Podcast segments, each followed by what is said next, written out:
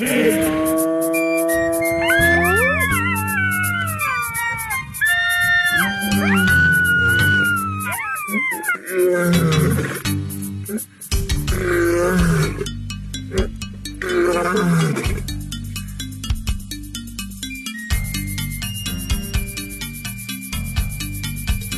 Is ingeskakel op Sonop en hierdie is Sonopgaan Bos en hierdie is oor die Cheetah Outreach Trust.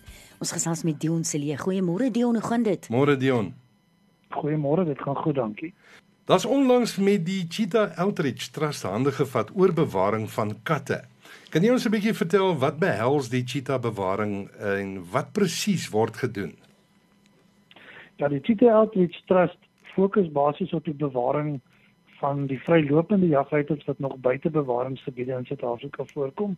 So ons fokus basies op die noordelike gebiede van Suid-Afrika, ehm um, teen aan die grens van Zimbabwe, Botswana en Namibië.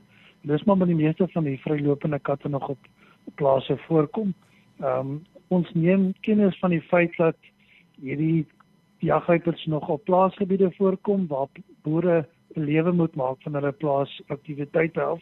So ons is baie simpatiek teenoor die boere en hoe hulle dink en wat hulle dink van die jagluipers self.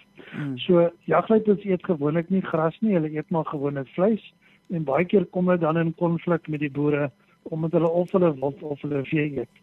En ons probeer maar altyd praktiese oplossings vir die boer gee om skade te verminder of totaal en al tot 'n tot 'n einde te bring. Mm. -hmm.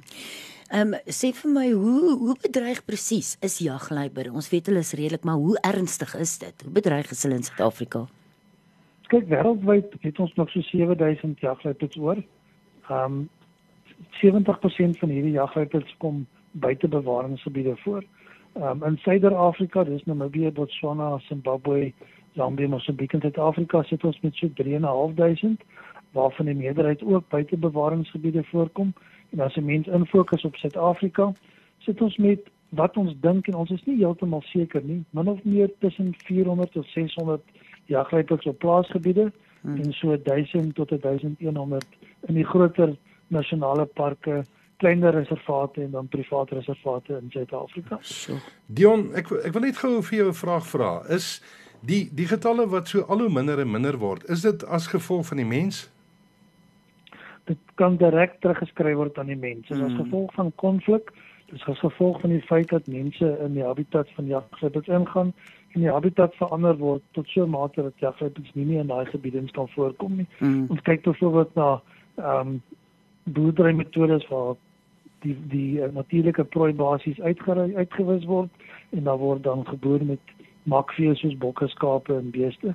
Ehm um, jagluiperds oor die algemeen verkies nie om vee te vang nie, maar as daar niks anders in die gebied is nie, dan word hulle basies ja. gedwing om op makvee te gaan te gaan vang en op, op hulle te te voer. Hmm. hmm. Dione, interessante ons het, ons het verneem dat 'n on, onlangs 'n hondjie is met die naam van Fin wat aangeneem is wat spesifiek help met jagluiperdbewaring. Hoe's verduidelik van so werk dit? Ja, weet jy wat daar's verskillende maniere wat 'n mens kan probeer om predasie van jagluiperds op vee te verminder. Maar ons het maar gekyk wat werk in Suid-Afrika. Ehm um, en ons het gekyk na ons buurland in Namibië en hulle gebruik 'n Anatoliese herdershond hmm. wat oorspronklik uit Turkye uitkom en daai hond word dan basies by die vee geplaas en hy word groot saam met die vee. Hy dink in 'n waarheid hy's 'n skaap of 'n bok of 'n bees.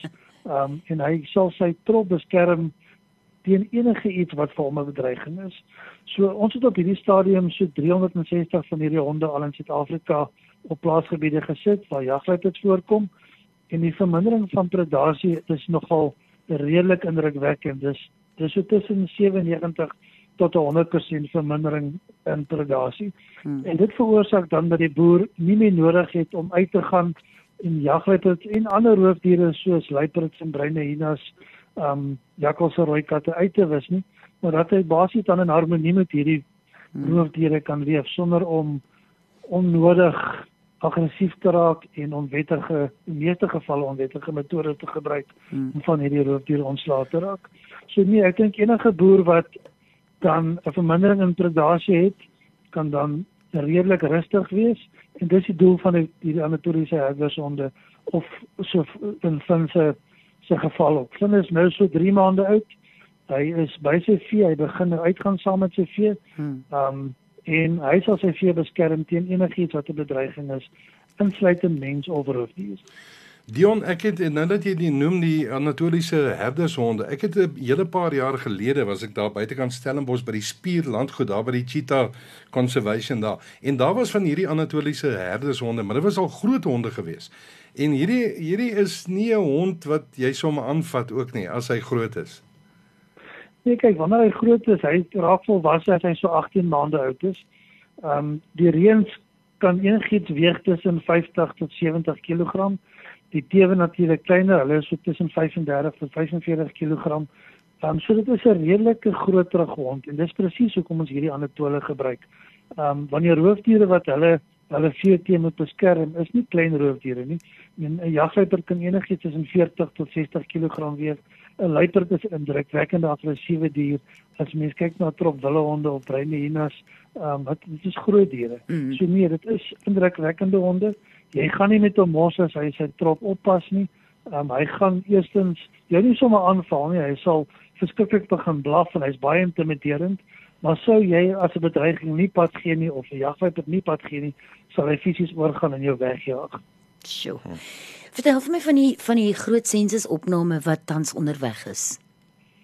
Ja, jy het nou nog gevra oor die die status van die jagwypers in die gevalle ja. Uh, en die getalle daarvan en weet jy op hierdie stadium op op die plaasgebiede is dit ontsettend moeilik om jagwypers te tel.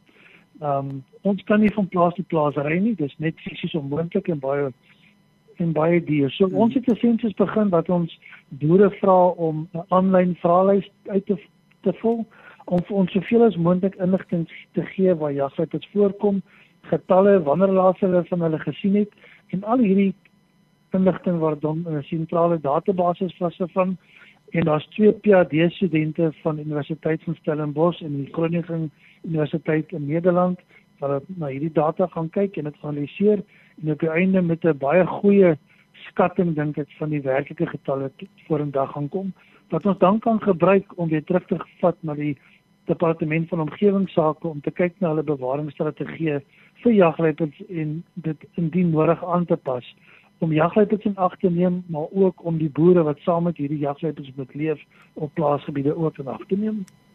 Ja, dit is 'n en dit is 'n groot taak nogal en ek wil net gou-gou net voordat jou die, die laaste vraag vra. Is die boere eh, is hulle oorgehaal of is hulle positief oor hierdie opname?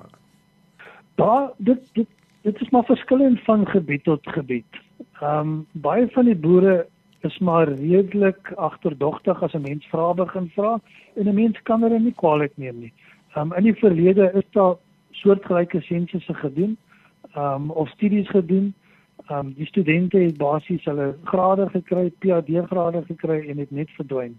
Um ons organisasie werk saam met Asia Cheetah Conservation, saam met die Universiteit van Stellenbosch, um saam met SA Jagters um en Universiteit van Groningen om te kyk na die groter prentjie. Ons is al betrokke by jagluipbewaring vir die afgelope 25 jaar en ons gaan definitief nie verdwyn nie. So ons het 'n hmm. redelike goeie verhouding met die boere opgebou en al is daar boere wat bietjie agterdogtig is, verduidelik ons vir hulle waar, waarom ons dit doen en ons kry 'n redelike baie goeie samewerking van die boere. Hmm. Ehm um, daar is maar ons wat nog redelik skepties is, maar ek dink soos die program loop en hulle sien hoe die inligting inkom, behoort van hierdie mense ook inligting vir ons te gee en saam ja, te werk. Ja. Op die einde wil ons hê die boere moet 'n tipe voordeel uit die die die jaggebied kry wat op hulle plase voorkom en natuurlik die jaggebied moet ook 'n voordeel kry om op boere se plase voor te kom. Absoluut. Ehm um, jaggebied kan nie net in bewaringsgebiede opgepas word of bewaar word nie. Hulle loopgebiede is te groot.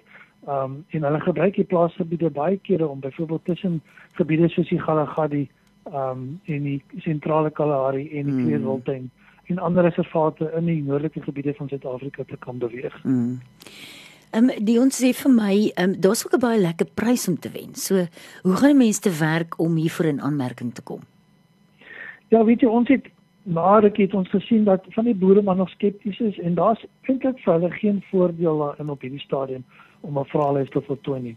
So ons het met Tourbus bietjie hande gevat en gesels en Tourbus het vir ons 'n wonderlike prys geskenk van ehm um, 'n MSC boordvaart in ehm um, in Desember wat dan as op 'n trekking vrygestel gaan word aan een van die boere wat 'n vraelys ingevul het. Hmm. So dis maar net 'n trekpleister om die boere te kry om deel te neem aan hmm. hierdie opname. Hmm. Hulle kan iets uit dit uit dit kry, um, 'n wonderlike prys wat hulle dan in Desember kan geniet, um, in ruil vir die inligting wat hulle vir ons gee. Ehm um, so ja, dit is maar net om te verseker dat ons die boere se inligting kan kry en hulle kry ten minste 'n lekker bootreis hmm. vir die wenner um, uit die hele om uh, sensus opname uit. Ja. Skitterend. Ons het gesels met Dion Celie oor die Cheetah Outreach Trust. Dion, baie dankie vir die tyd wat jy afgestaan het. Ons weet jy is verskriklik besig en jy gaan nou in die veld en jag, maar baie dankie dat jy met ons gesels het vanoggend. Baie dankie Dion en baie sterkte. Baie dankie, ek waardeer dit. Dankie hoor. Dit was Dion Celie hier op 100.5 die die Cheetah Outreach Trust. Jep, en son doen, op gaan bos. Ja, hierdie ouens doen fantastiese werk hoor. So agter die skerms en, daar op hulle ja, eie. Hm? En son op gaan bos met trots moontlik gemaak deur Wildman Nelspruit.